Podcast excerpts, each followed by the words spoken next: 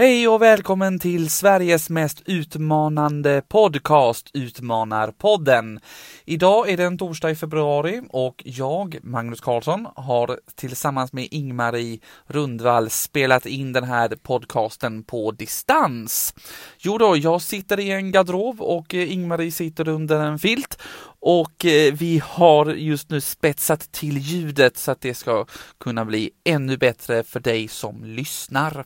Idag ska vi titta tillbaka, men vi ska också blicka framåt och se hur det har gått till i digitaliseringen som har skett sedan i mars, då coronapandemin verkligen slog till på allvar. Hur gick det till när vi gick över till digitala möten? Hur har det funkat? Och på vår önskelista som vi gjorde i avsnitt 34 så pratade vi om att vi vill ha dynamiska möten som en punkt nu inför 2021. Hur går det med det egentligen? Ja, ni får helt enkelt lyssna på här och är du intresserad och nyfiken att gå bakom kulisserna eller se lite tips eller få lite mer kunskap så kan ni besöka Utmanarpodden på LinkedIn.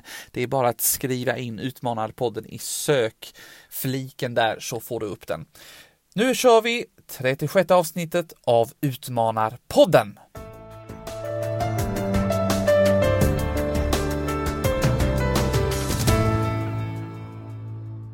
Alltså Utmanarpodden är ju nu inne på sin fjärde säsong. Är det så Magnus? Ska jag säga som det är, det är den femte säsongen. Alltså då måste man bara säga halledag. Och då var det ju så att vi letade ju ändå ett tag vad vi skulle heta. Eh, och jag är så nöjd att det var så att vi hittade Utmanarpodden. För det var ju det ordet vi kom på att vi både gillade, använde ofta och som vi lite triggas igång av det här med att se att ja, men vi får lite små utmaningar varenda dag. Det är en utmaning att gå och handla ibland och det är en utmaning det ena och det andra, både i det lilla och det stora och det tycker jag är härligt synsätt. Verkligen. Idag så ska vi prata om ett ämne som har utmanat väldigt många tror jag, sedan mars 2020. Ja.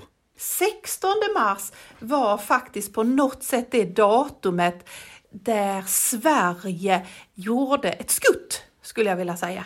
Eh, alltså ett riktigt Lille Skutt-skutt. Eh, du vet Lille Skutt där i Bamse. Ja. Alltså det var ett rejält skutt den 16 mars när Sverige går igång med tankar omkring hur ska vi klara en pandemi. Och, och sen den 17 mars, om jag nu minns rätt, jag kan svaja lite där, men den 16 kommer jag ihåg till och med. Ja. Och, och, den 17 så tror jag till och med att det är då man bestämmer att, att Sveriges gymnasieskolor eh, ska gå över till distansundervisning.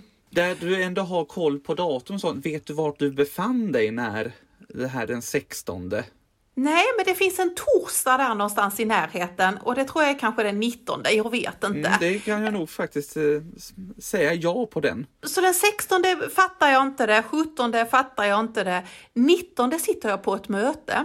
Och jag har ju redan innan någon gång sagt det här att, att för mig eh, är det en väldigt stor grej att höra mig själv reflektera över det som jag har hört eller uppfattat eller reflekterat över.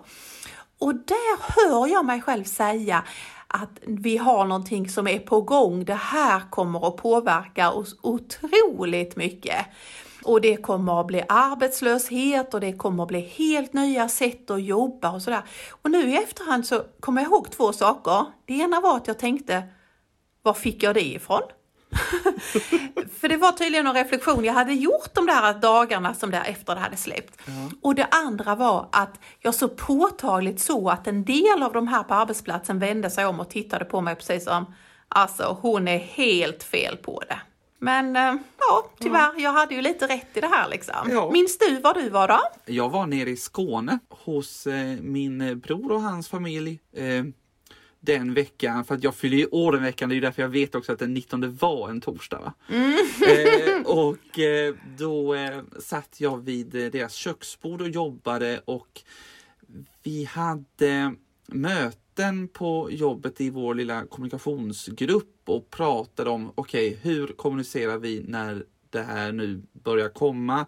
Kommer det bli en kris? Eh, hur gör vi? Det var cheferna hade eh, möten varje dag vid det tillfället eh, och flera veckor framöver. Eh, det var turbulent kommer jag ihåg. Eh, och samtidigt så ser man då de där skånska åkrarna börja frodas och eh, har ingen aning om vad vi i mänskligheten har för oss.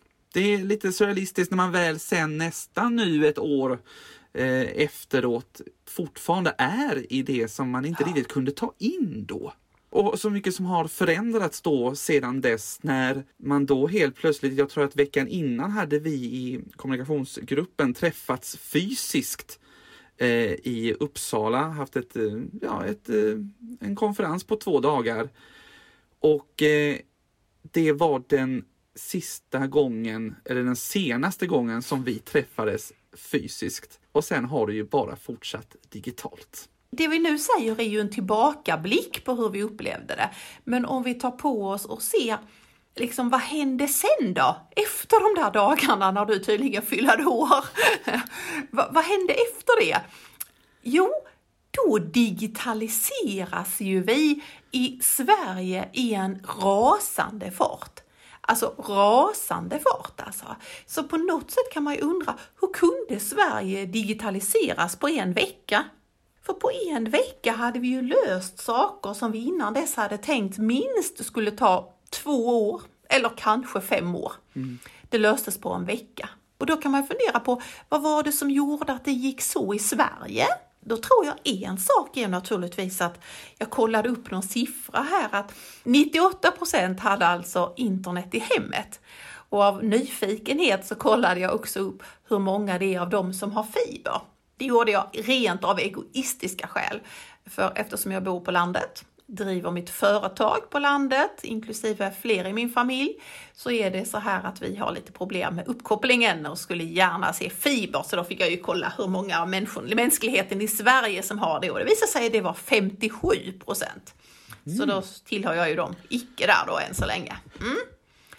Men alla de där sakerna var ju bara de hårda sakerna som eh, behövdes för ja. att det skulle lösas. Och, och, det är ju fantastiskt. Och, tror du vi ligger före eller efter EU där förresten? Våra gemensamma länder? Jag tror att vi eh, ligger eh, före.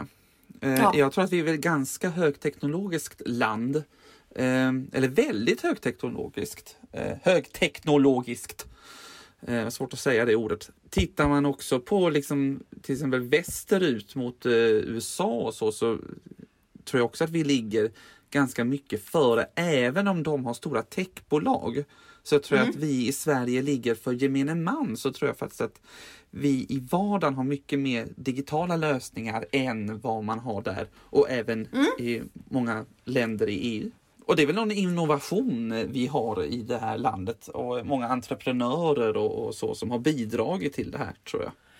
Ja, för det var ju några saker till som behövde fixas eller finnas på plats för att det skulle gå att fixa den här digitaliseringen. Det var ju alla de här äh, molntjänsterna eller vad det kan heta. Mm. Eh, alltså flera företag hade ju, organisationer hade ju sådana här aktivitetsbaserat och där det faktiskt fanns möjligheterna att använda och jobba helt och hållet mot nätet och sparade på nätet och så vidare.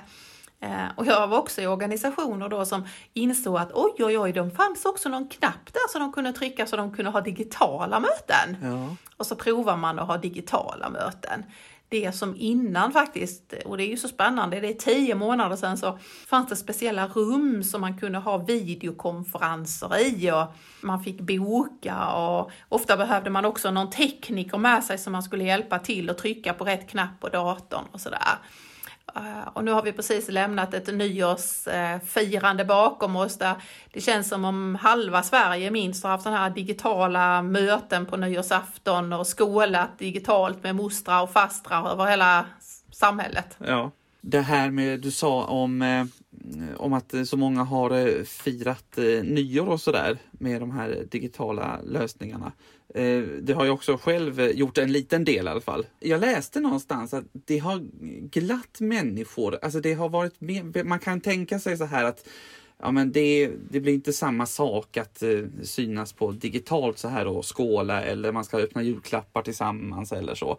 Eh, men det har, i och med som situationen ser ut, så har man sett att det har varit en stor eh, del till eh, en lycka om man säger så hos eh, människor i, i vårt land.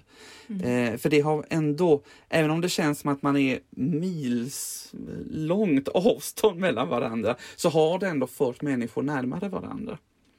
Mm. Så, så det är ju faktiskt väldigt positivt att vi har kunnat utnyttja det då på de här sätten och att vi har kunnat ha de här plattformarna som de själva då, Teams och Microsoft Teams och Skype och alla de här har liksom också insett det här och eh, utvecklat sina plattformar i en rasande takt egentligen.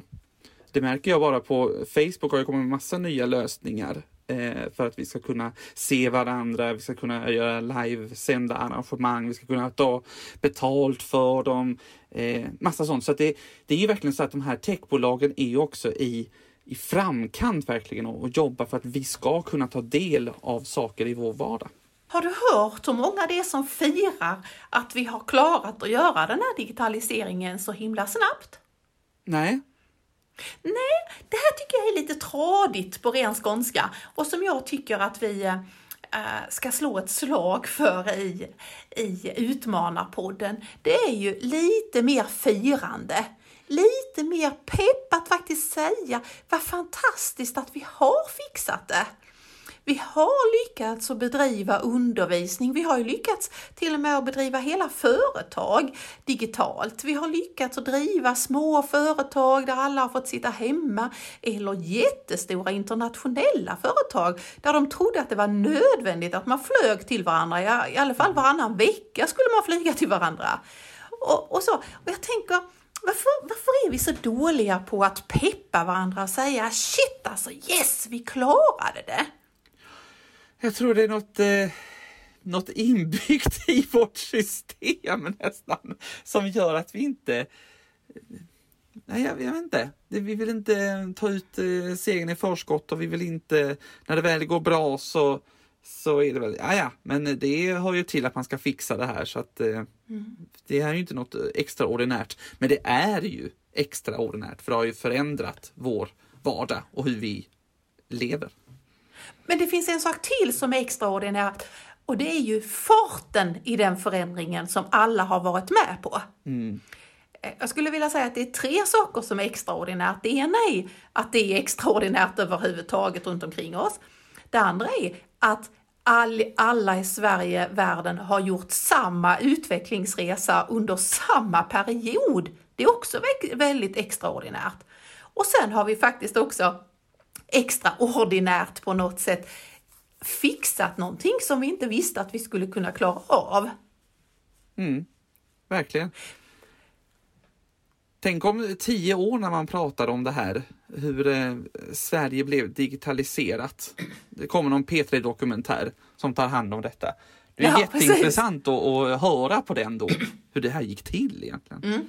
Visst var det så att du också hade kollat upp någonting inför dagens avsnitt, någonting om svenskarna och våra tankar omkring det här med att arbeta hemma? För det är ju också väldigt speciellt. Ja, varje år så släpper Internetstiftelsen en rapport som heter Svenskarna och internet som då eh, kartlägger hur vi eh, hur vi, vad vi gör på internet och hur vi använder det, hur vi använder sociala medier, hur vi använder till exempel BankID och så sätter de det mot olika åldrar och, och målgrupper och så vidare. Väldigt intressant, en, en tjock rapport. Men det som var lite intressant i det här, då har de ett avsnitt då som heter Arbeta hemifrån.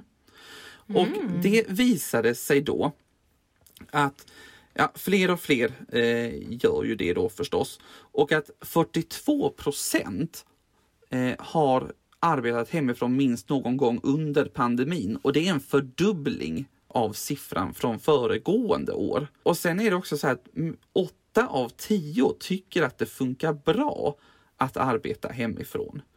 Och det får man ju ändå säga är väldigt hög siffra.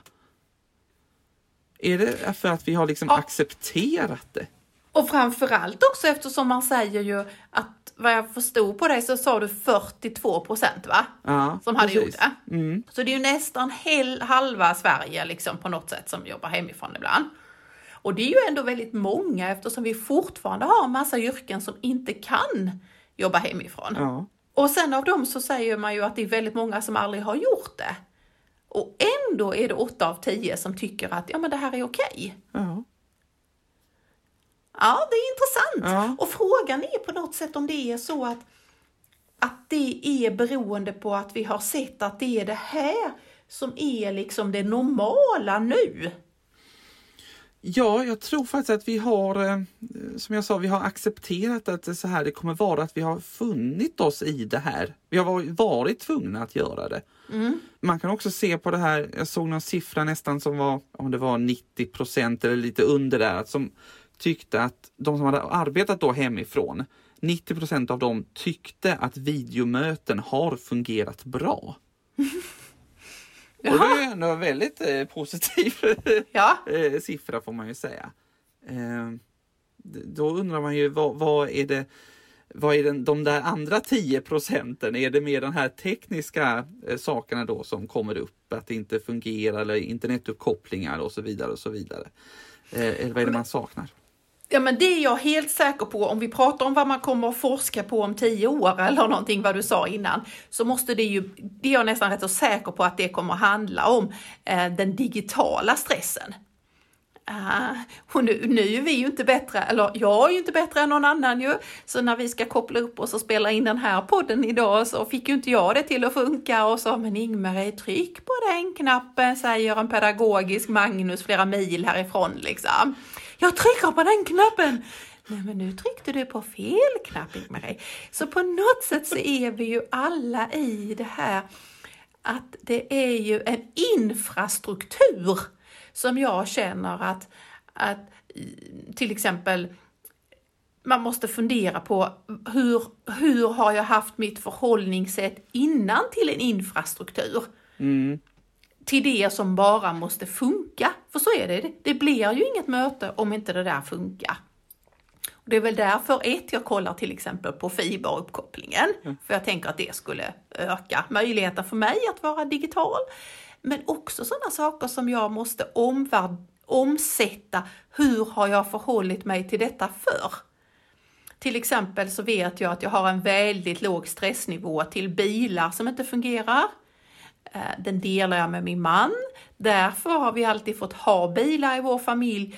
Eh, De har inte behövt vara splitternya, men de måste vara så pass välfungerande så att de bara funkar. Eh, Så att man kan köra dem när man ska iväg, liksom. Då ska de funka. Det är ju en del, hur har jag förhållit mig till infrastrukturen förr? Och då måste jag ju omsätta det, för digitaliseringen har ju blivit den nya infrastrukturen som bara ska finnas där. Jag tänker lite på det du sa innan om det här att vi eh, att det finns väldigt goda exempel på eh, företag som har eh, verkligen kommit med, som ställde om och, och, och gjorde om i den här digitaliseringen.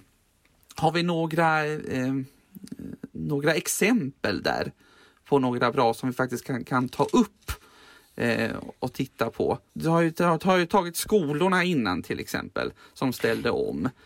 Ja, och så är det ju, men det hade de faktiskt gjort innan. Det finns en gymnasieskola, koncern.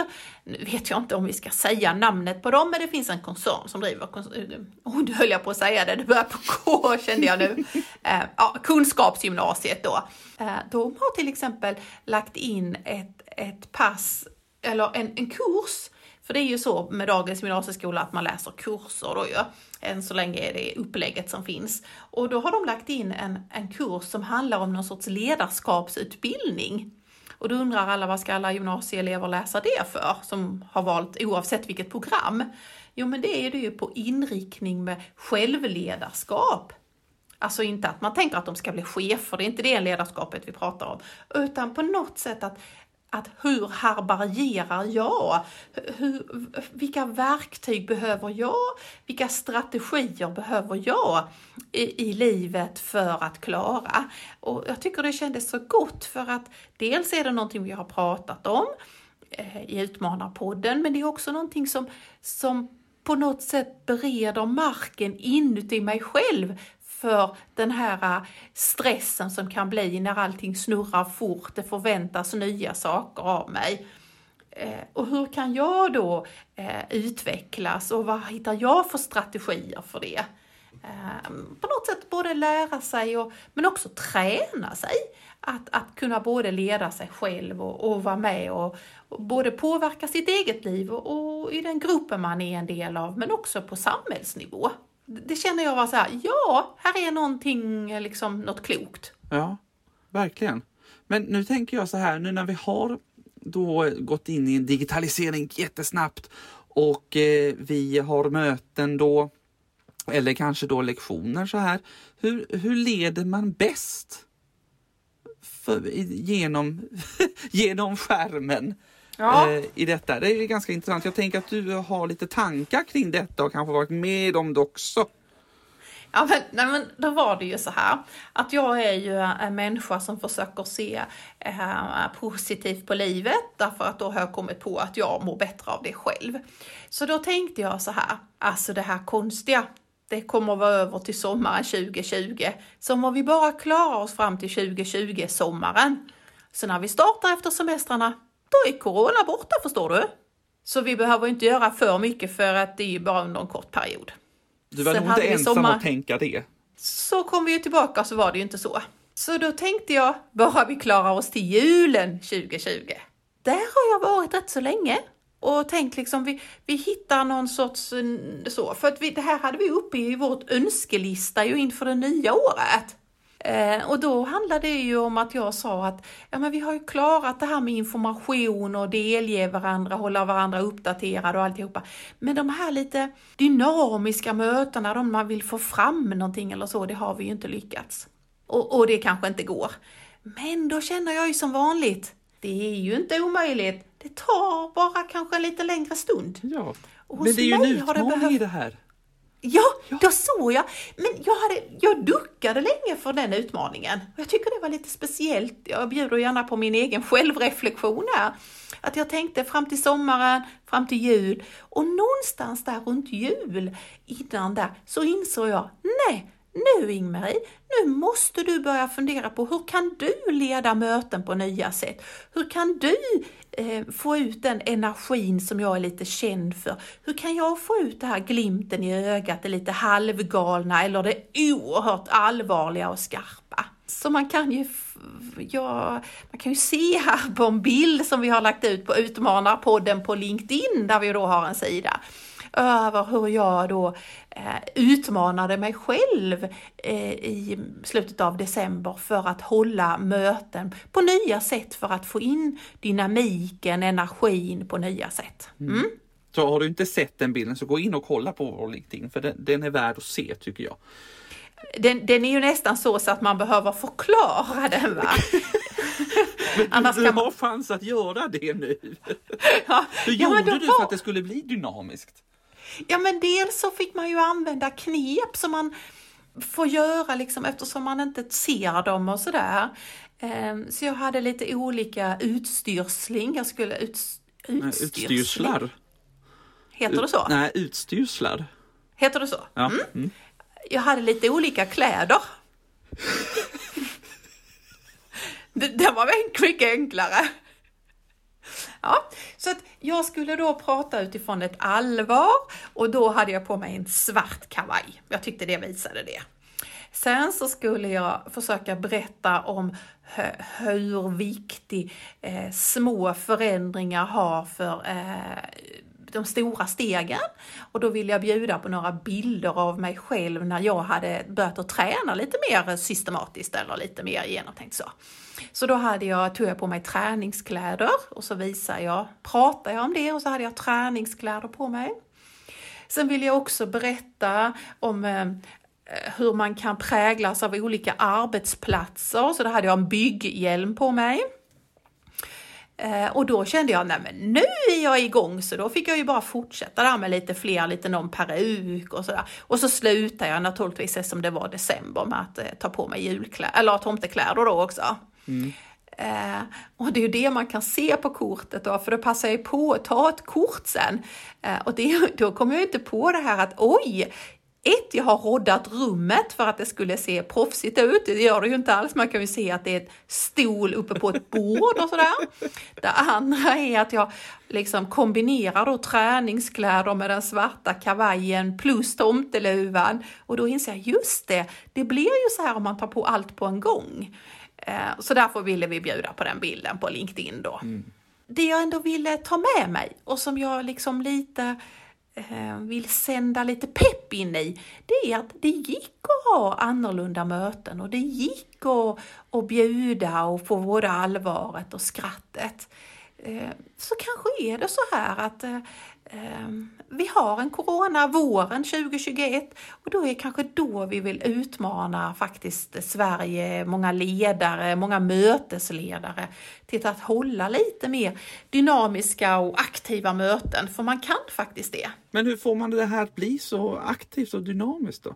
Jag tror att det är som alltid, det är att man måste ställa förväntningarna på den som ska leda mötet. Eh, och eh, även om du är en av dem som är deltagare och lyssnare av podden, så, så börja med att visa, kan vi inte göra på ett annat sätt? Kan vi förvänta oss? Kan vi eh, skriva post-it-lappar? Kan vi ha mejlkonversation? Kan vi använda chatten sidan om?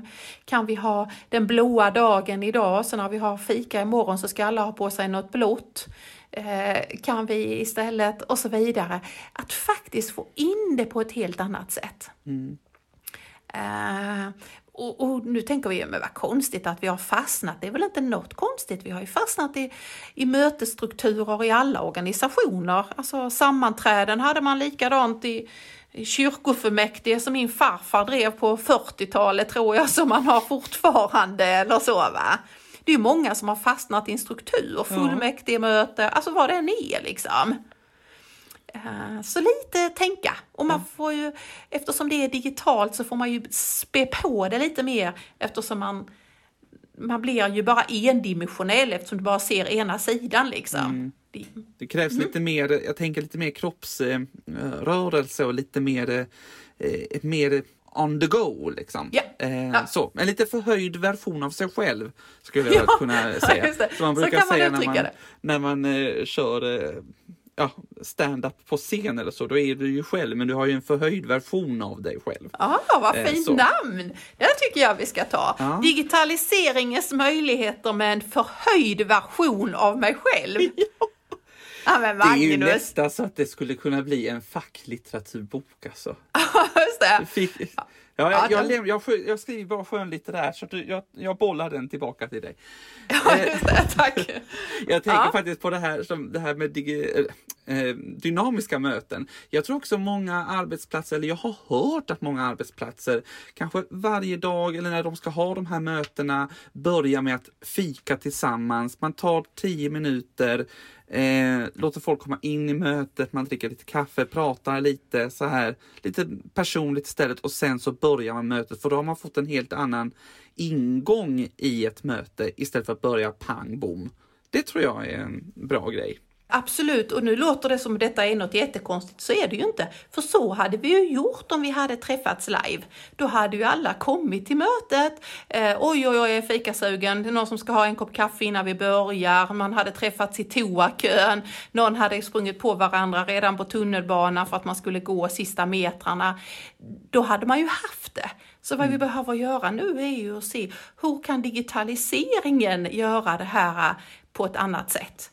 Och då är det faktiskt så här, om man är lite nyfiken på att eh, få lite mer tips på, man kan väl säga att del 1, hur man fixar med möten eh, rent tekniskt och sådär, så kan man lyssna på avsnitt 25 av Utmanarpodden som heter Digitalisering det nya nu. Så ger vi lite tips på hur man kan gå tillväga.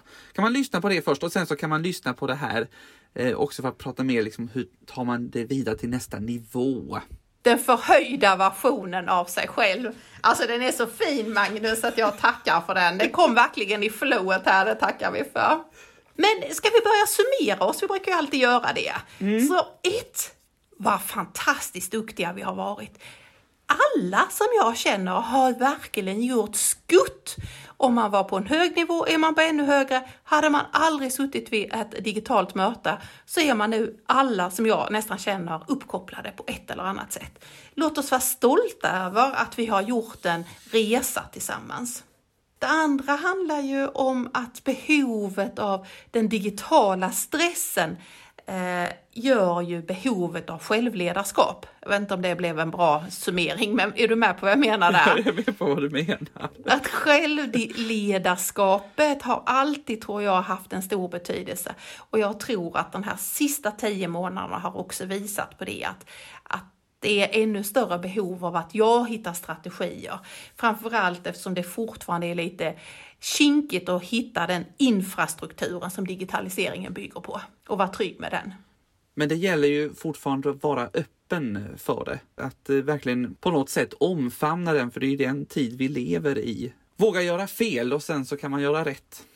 När det sen gäller det här att planera möten så ja, dels är det ju att våga och jag skulle jättegärna vilja utmana våra lyssnare till att eh, visa sina bilder eller sina småfilmer. Eftersom jag nu bjuder på den här helt galna eh, bilden på mig själv så hade det varit roligt att se hur gör du när du ska leda sådana här möten till lyssnarna? Ja, det vill vi verkligen se. Ja. Så vi låter gå in på vår LinkedIn-sida och skicka ett meddelande till oss. Eller så kan man ju skicka i den här eh, under den här bilden eller ge någon kommentar till din bild Marie.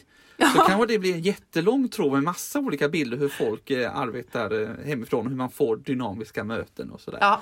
Det är jätteroligt.